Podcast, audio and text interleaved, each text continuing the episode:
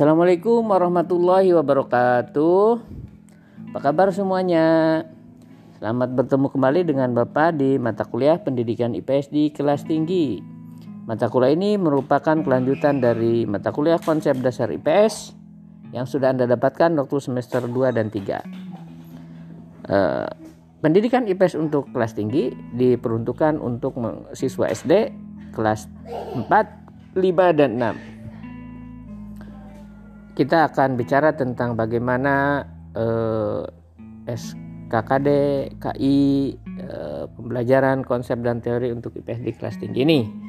Nah, sekian dulu pertemanan atau perkenalan dari Bapak. Kita berjumpa lagi di masa yang datang.